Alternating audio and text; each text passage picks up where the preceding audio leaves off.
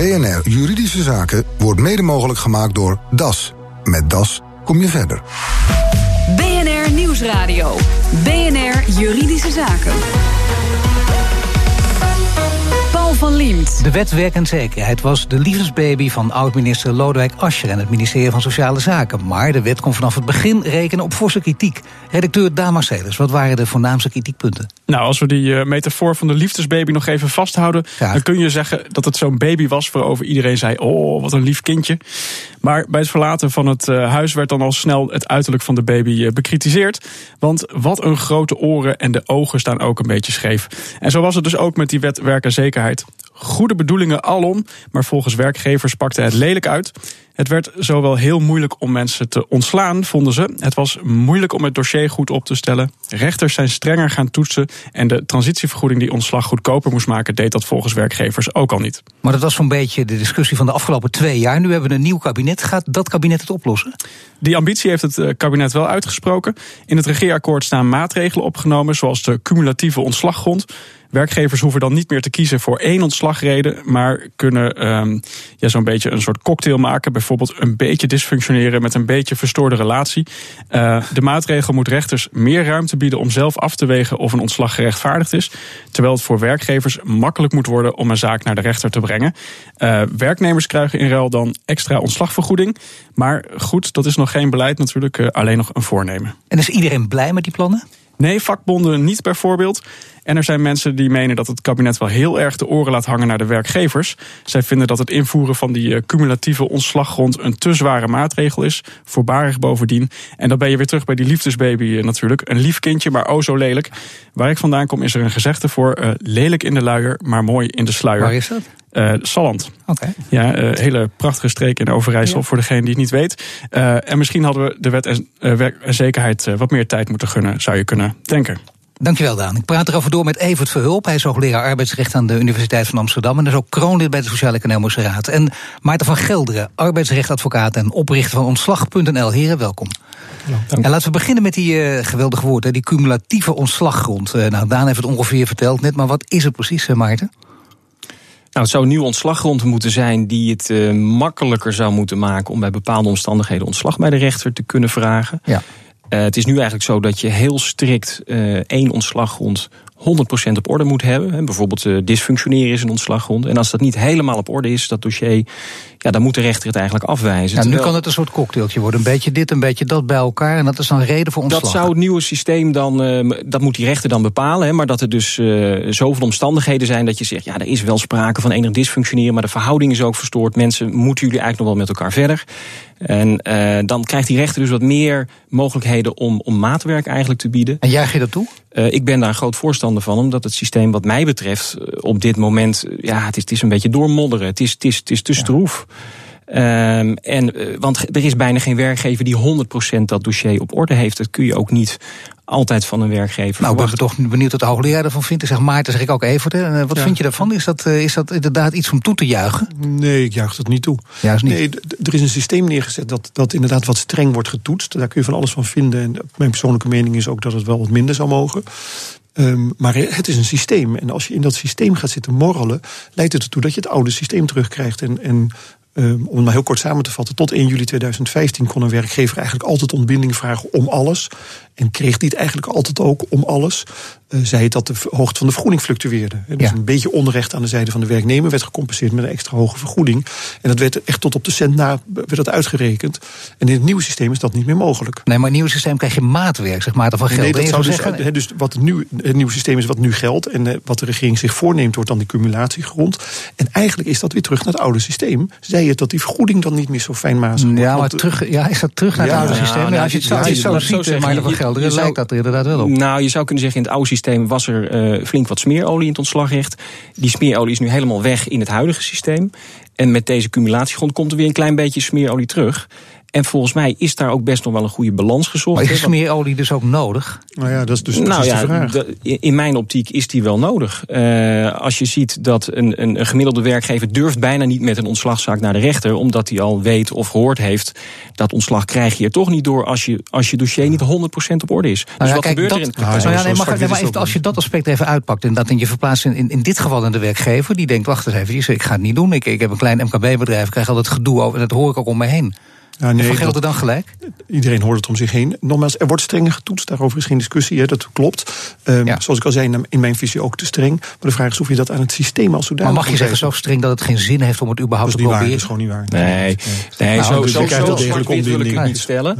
Maar uh, in, in, in mijn praktijk zie ik wel dat een werkgever uh, liever uh, anderhalf, twee of misschien soms zelfs drie keer de transitievergoeding betaalt. om maar niet naar de kantonrechten te hoeven. En natuurlijk dat zit is wel, ik, ja, maar kijk, dat vind ik altijd wel een lastige. In mijn praktijk hoor ik, dan kun je dat eigenlijk niet tegenspreken. Nee. maar dat, ja. Nee, daarbij nou, de transitievergoeding is zo laag dat het nog steeds minder is dan de oude, oude opslagvergoeding. Dus in die zin hebben werkgevers er winst bij geboekt. Nee, dat, en de enkele werkgever die dan zijn zaak niet weet te regelen... en uiteindelijk bij de rechter het goed op orde moet hebben... Ja, die heeft dus wel een probleem in die zin dat hij dit iets minder makkelijk op orde heeft maar ook wel degelijk die ontbinding kan krijgen.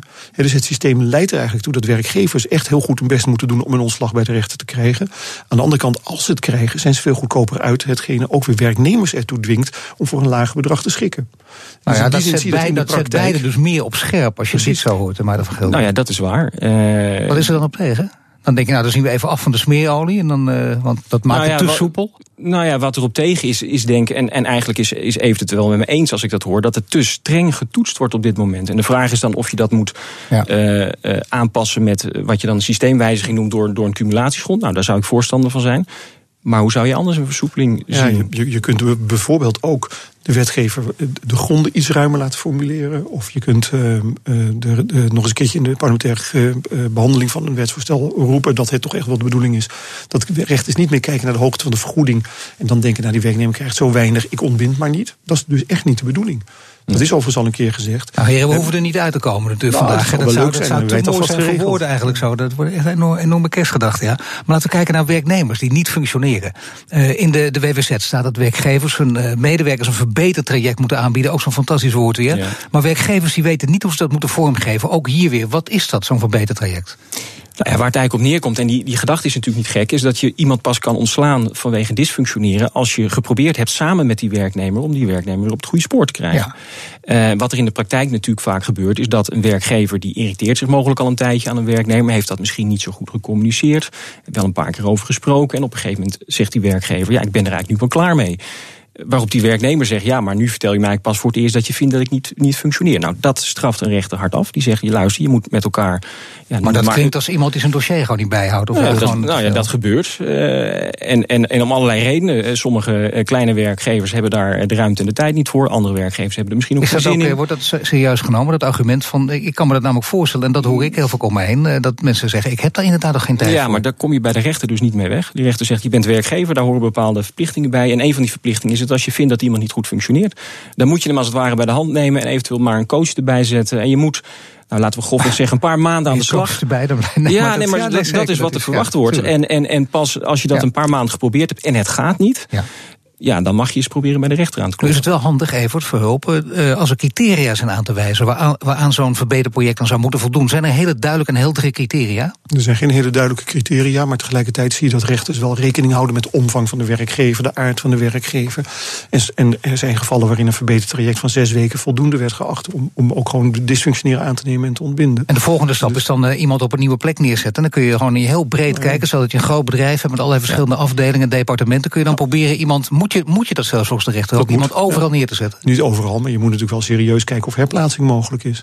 gebeurt dat, eh, Maarten van Gelder, in de praktijk vaak? Nou ja, dat zie je toch ook wel in, in de rechtspraak van het afgelopen jaar. Dat, die, dat noemen ze dan de herplaatsingsverplichting. Een beetje het slotstuk van een ontslagdossier. Dan moet je altijd nog kijken of je die werknemer binnen je organisatie elders kunt plaatsen. Maar als je een grote organisatie bent, multinational met meerdere vestigingen, dat betekent eigenlijk dat je concernbreed in ieder geval moet kijken of die man of vrouw herplaatst kan worden. Maar dat betekent als je multinational bent, dan kan het ook zijn van nou, hebben geen plaats voor u in Nederland, maar we hebben wel iets in Indonesië.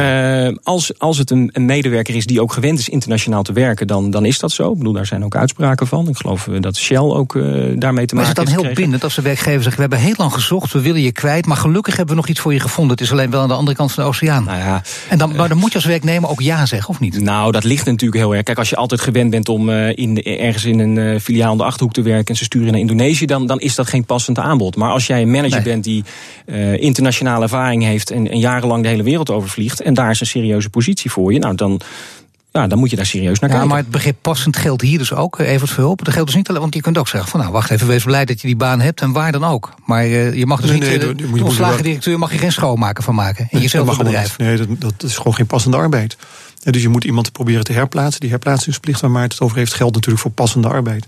En die passende met een goede advocaat, eh, daar kun je ook heel lang over doorgaan. Wat nou, nou ja, niet passend wat, wat Maarten al aanstipte, kijk, voor internationale concerns geldt wel een hele zware herplaatsingsverplichting. Dat geldt niet op grond van de WWZ, maar op grond van, dus niet op grond van de wet, maar van een soort besluit dat het UWV uitvoert. Daar zou wel eens wat aan gesleuteld kunnen worden hoor. Want het is gewoon een hele strenge herplaatsingsplicht. Nou ja, dat het toch bijzonder is dat je tijdelijke werknemers in Spanje moet ontslaan om een Nederlandse werknemer met een vaste arbeidsovereenkomst daar te herplaatsen. Ja, dat gebeurt ook regelmatig. Nee, dat gebeurt bijna niet. Maar de regelgeving zou er wel toe noodzaken. En iedereen ziet dat oh, dat eigenlijk een beetje onzin is, dus het gebeurt niet echt. Maar het zou volgens de regels formeel moeten. Nou, dat is natuurlijk een hele gekke situatie. Dat is een gekke situatie. Je staat op de last nou ja, maar dat vind je. Nou ja, kijk, dat internationale voorbeeld komt niet zo heel veel voor. Maar wat, wat wel met enige regelmaat voorkomt, is eh, neem een groot verzekerings- of een bankconcern, willekeurig in Nederland. Die hebben natuurlijk uh, veel filialen, veel functies. Het is voor zo'n partij best lastig om te zeggen, maar we kunnen deze meneer niet meer herplaatsen. Want dan zal de rechter zeggen, ja, maar luister eens u bent zo groot, u heeft zoveel functies, daar moet toch nog iets te vinden zijn. En dat, Zeker als u bereid bent om u te omscholen, om, om te scholen. Uh, ook dat. Wat in dat soort situaties natuurlijk heel veel gebeurt, is dat werknemers in een outplace of in een, in een herplaatsingstraject worden geplaatst. En zelf ook actief moeten bijdragen. en op het moment dat ze dat dan niet doen, dan hebben ze hun eigen ontslagdossier ook voor een deel al geregeld. Dus, dus daar is het probleem ook weer niet zo groot. Nou, dat is deel 1 over ontslagrecht. En zometeen ontslag met wederzijds goedvinden. Dat kost werkgevers gemiddeld 24.000 euro. Blijkt uit onderzoek van het ministerie van Economische Zaken. Maar hoeveel van dat bedrag komt via ontslagvergoedingen bij de werknemer terecht? BNR Nieuwsradio. BNR Juridische Zaken. We hebben het over de ontslagtrends van 2017. En dan moeten we het ook hebben over ontslagvergoedingen. In de studio Maarten van Gelderen, arbeidsrechtadvocaat en Evert Verhulp, hoogleraar arbeidsrecht. begin met Evert Verhulp. Met welke vergoedingen hebben rechters vooral moeite? Vooral met de billijke vergoeding. Die, ja, de eh, billijke vergoeding. Er zijn twee soorten vergoedingen voorzien in de wet. De ene is een transitievergoeding. Daar heeft iedereen recht op als hij onvrijwillig uh, wordt ontslagen. Uh, als hij maar twee jaar in dienst is geweest. En hoe hoog is die? Dat scheelt dat per persoon een, maar een, beetje. Derde maand salaris per dienstjaar. Ja. om het heel kort samen te vatten. Ja. Um, en daarnaast, als de werkgever ernstig verwijtbaar heeft gehandeld, dan kan die nog een billijke vergoeding toekennen. En maar dan heb je al een billijke vergoeding. Daar kun je dus ook eh, heel veel kanten mee op. De, de, het woord zegt het al. Wat is nou redelijk? Je hebt, je, je hebt er wat arresten over. Een, eh, of een beschikking van de Hoge Raad. Die gaat over een bepaalde casus van een kapster die wordt ontslagen. Die leg ik dan vaak voor aan zaden met advocaten. Ja. En dan vraag ik, wat is nou de redelijke vergoeding? Wat is nou de billijke vergoeding waarop deze mevrouw recht heeft? En dat varieert dan van 2000 tot 60.000 euro. En dat zijn dan allemaal experts.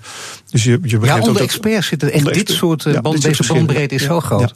Ja, het, het, woord billig is natuurlijk zo'n ruim begrip. En de, de vraag uiteindelijk is: voelt het goed dat dit bedrag dan moet worden betaald of niet? Maar dan kun je echt een uh, arena met, uh, met kickboxers op afzetten tegen elkaar. Ik heb gelijk, ik ben redelijk, ik ben billig. Is, is wij dit, juristen zijn veel fatsoenlijker. Wij, wij schrijven ja, is dat stukjes. Zo? Vraag even Maarten van Gelder. Is, ja, is dat zo? Dat fatsoen? Nou, fysiek geweld komt er meestal niet aan te pas. Oh, nee, dat, uh, nee. nee, Maar het is waar, over die billijke vergoeding, daar is ook denk ik het laatste woord nog niet over gezegd. Hoewel de Hoge Raad geprobeerd heeft daar wat duidelijkheid in, in, in te scheppen. Maar hoe dan? Nou, eigenlijk uh, tot. Uh, dat was een arrest van halverwege dit jaar, zeg maar. Tot die tijd uh, waren veel rechters van mening dat zo'n billijke vergoeding eigenlijk een soort. ja, noem het een soort boete, een soort afschrikwekkend effect moest hebben voor de werkgever. Je hebt iets heel erg fout gedaan en dan moet je dan maar verboeten. En dan kwam een bedragje uit. Vaak niet zo'n heel groot bedrag. Ja. Totdat de Hoge Raad eigenlijk zei: ja, maar je moet je meer focussen op, uh, op de werknemer, op de, op de schade die de werknemer leidt doordat hij onterecht ontslagen is. En eigenlijk heeft de Hoge Raad wel de deur opengezet om allerlei schade-elementen uh, in ieder geval aan te brengen en, en te kijken of de rechter daar gevoelig voor maar is. Geef eens dus... een goed voorbeeld van, van hoe die deur dan wordt opengezet. Uh, nou ja, je merkt in je eigen praktijk misschien dat er meer onderhandeld wordt, bijvoorbeeld over ontslagzaken. In plaats van nou, kijk, je, moet, je moet het wel zo zien. Kijk, die billijke vergoeding is natuurlijk alleen aan de orde, bijvoorbeeld als je iemand onterecht op staande voet ontslaat.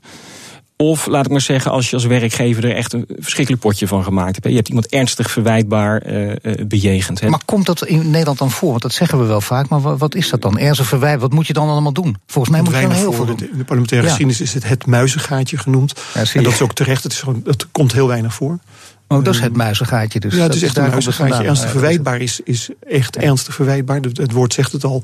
Het is niet een beetje verwijtbaar. Een werkgever die het fout doet, maar dat weer een beetje probeert te corrigeren. Maar laten we dan zeggen verwijtbaar. Dat komt wat vaker voor. Ook niet heel vaak, denk ik, maar, maar dat, dat komt wat vaker voor. Maar wat is verwijtbaar?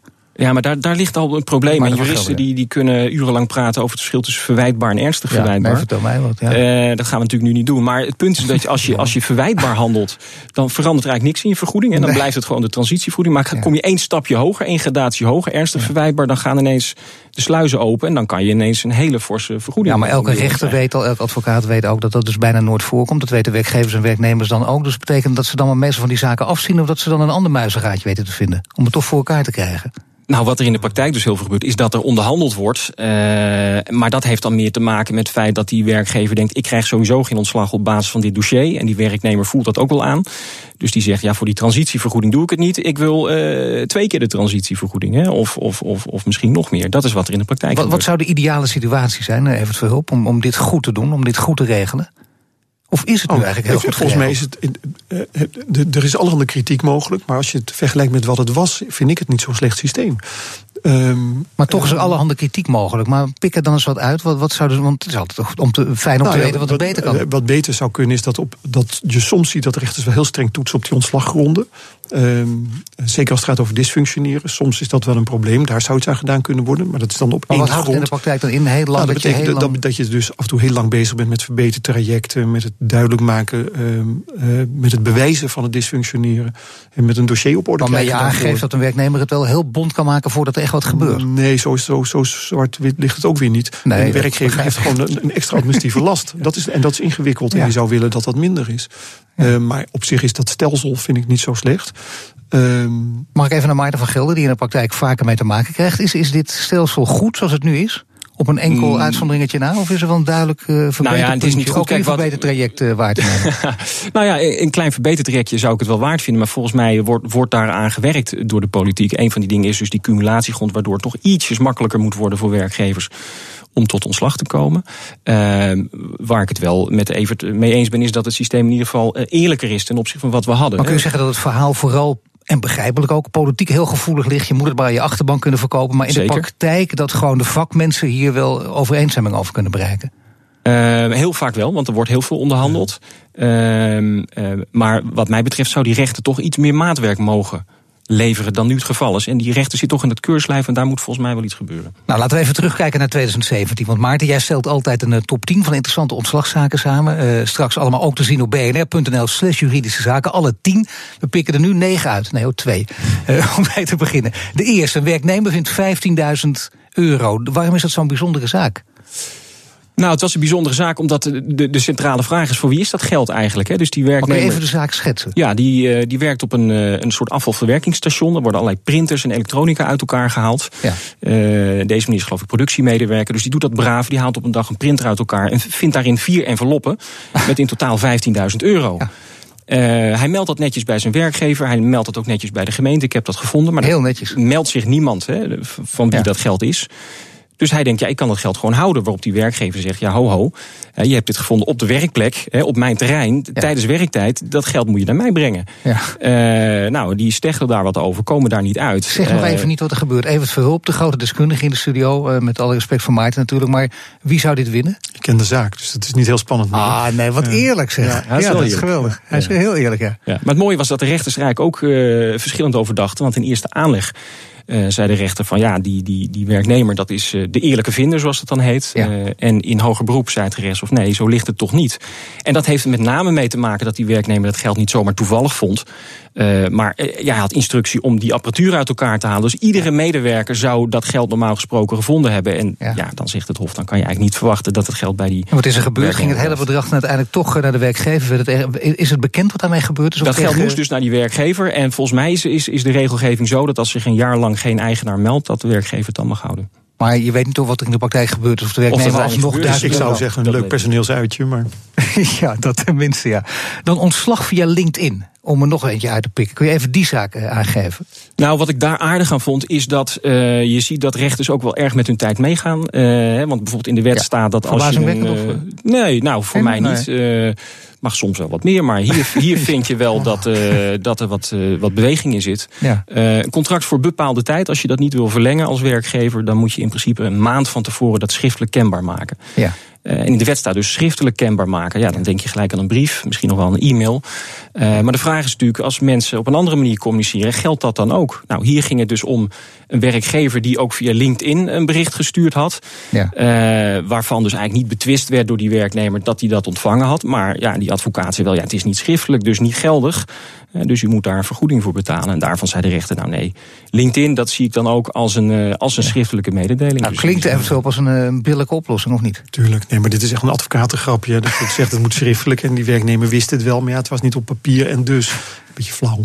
Bedoel, als je het als werknemer weet, je bent zorgvuldig een maand van tevoren geïnformeerd over de voortzetting van het contract. Ja. Of niet voortzetting nou, in dit geval. Leuk, maar over aanzeggen zijn er nog wel een paar andere ja, die zijn, die gaan we ja. nu niet doen waarvan je dan denkt, nou ja, je moet het zo letterlijk nemen en anders ben je die vergoeding kwijt. Maar nee, anders even op de website kijken, bnr.nl slash juridische zaken. En ik dank Evert Verhulp, hij is hoogleraar arbeidsrecht aan de UvA en kroonlid bij de Sociaal-Economische Raad, maar van Gelderen arbeidsrechtadvocaat en oprichter ontslag.nl. BNR Nieuwsradio. Juridische Zaken. Telefoontjes van marketeers, dat blijft een grote ergernis. Via het Bel me niet register kunt u ervoor zorgen dat u niet meer gebeld wordt. Maar dan hebben die marketingbureaus nog steeds al uw gegevens. Luisteraar Joep Klein vroeg zich af of hij die gegevens ook kan laten verwijderen. Het verslag is van Daan Mercedes. Joep Klein, vrienden van jou werken bij callcenters. En jij maakt je nu zorgen over de privacy. Hoe zit dat? Ik heb dus gehoord van die vrienden dat die callcenters dvd's vol met onze gegevens hebben. Dus ik vraag mij af, uh, verkopen ze die gegevens ook aan anderen dan? En um, hoe zorg ik ervoor dat ze die gegevens verwijderen? Moet ik dan al die callcenters stuk voor stuk gaan bellen? Luisteraar Joep Klein maakt zich zorgen over zijn privacy... omdat hij heeft gehoord dat telemarketeers echt dvd's vol met persoonsgegevens op hun bureaus hebben liggen.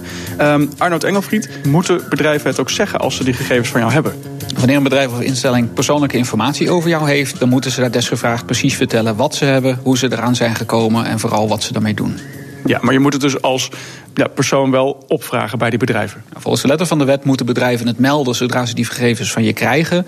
Of bij het eerste contact. Maar in de praktijk zie je dat dat vaak niet goed gebeurt. En dan is het dus aan jou om daar vervolgens na te vragen van hey, hoe kom je aan deze informatie? Ja, ik wou zeggen, ben je zelf wel eens gebeld door zo'n bedrijf van hé hey, Arnoud, ik heb deze informatie van je liggen? Ja, ik word vaak gebruikt door dat soort bedrijven. Dan verbind ik ze door met mijn dochtertje van 20 maanden. Dat werkt ook. Maar uh, als je wat serieuzer wil zijn, dan kun je dus doorvragen van hoe komt u aan dit telefoonnummer? Uh, als je het echt goed wil doen, kun je beter een brief sturen. Want die mensen aan de telefoon zijn meestal niet in staat om dat antwoord op te lepelen. Of dan krijg je een gescript antwoord waar je niet veel aan hebt. Dus als je het echt serieus juridisch wil aanpakken, stuur je een brief naar dat bedrijf. En dan zeg je: hé, hey, ik ben toen en toen gebeld. Ik ben die en die persoon. Ik wil graag nu inzagen in mijn dossier. Ja, dus dat is ook wat je moet doen als je wil weten welke informatie zo'n bedrijf van jou heeft. Precies, dan krijg je dus als het goed is een brief met een overzicht. Dit hebben we, dit hebben we daarvan gekregen, dit hebben we daarvan gekregen. En de vervolgstap die je dan doet, is dat je een brief stuurt. Nou, allemaal leuk en aardig dat je dat hebt. Ik eis dat je het per direct weggooit. Mijn rechten worden vergeten of mijn dossier te laten wissen. Dat geldt gewoon bij uh, direct marketing. En dan moet ze dat dossier uh, door de shredder halen. En kun je dat controleren ook als consument? Nou, daarna doe je dan weer je recht van informatie. Dus na het verwijderen zie je ze een maand later weer een brief. Ik wil graag weten wat u van mij heeft. En als het goed is, hebben ze dan niets meer van je. Want dat had in de tussentijd verwijderd moeten zijn. Nou heb ik gehoord dat vanaf 25 mei volgend jaar... die algemene verordening persoonsgegevens gaat gelden. Verandert er dan nog iets in deze situatie? De nieuwe wet, de Algemene Verordening Gegevensbescherming, gaat een stuk strenger zijn. Uh, die zegt niet alleen dat jij die rechten hebt, dat die had je ook al, maar ook dat er stevige boetes komen te staan op het niet gunnen van die rechten. Dus als jij niet de goede informatie krijgt of als ze geen gehoor geven aan zo'n verwijderrecht, dan kan de autoriteit persoonsgegevens boetes opleggen die in dit geval tot 2 miljoen euro zouden kunnen oplopen. Dus dat is een behoorlijke prikkel voor bedrijven om het goed te doen. Telemarketingbedrijven die moeten uw gegevens dus verwijderen als u daarom vraagt. En u moet dat verzoek wel stuk voor stuk bij die marketingbedrijven indienen, zegt Arnoud Engelfried van juridisch adviesbureau ICT Recht. Heeft u ook een juridische vraag? Mail hem naar juridischezaken.bnr.nl. En dit was de uitzending voor vandaag. U kunt de show terugluisteren via bnr.nl slash juridische zaken. Mijn naam is Paul van Liemt. Tot de volgende zitting. BNR Juridische Zaken wordt mede mogelijk gemaakt door DAS. Met DAS kom je verder.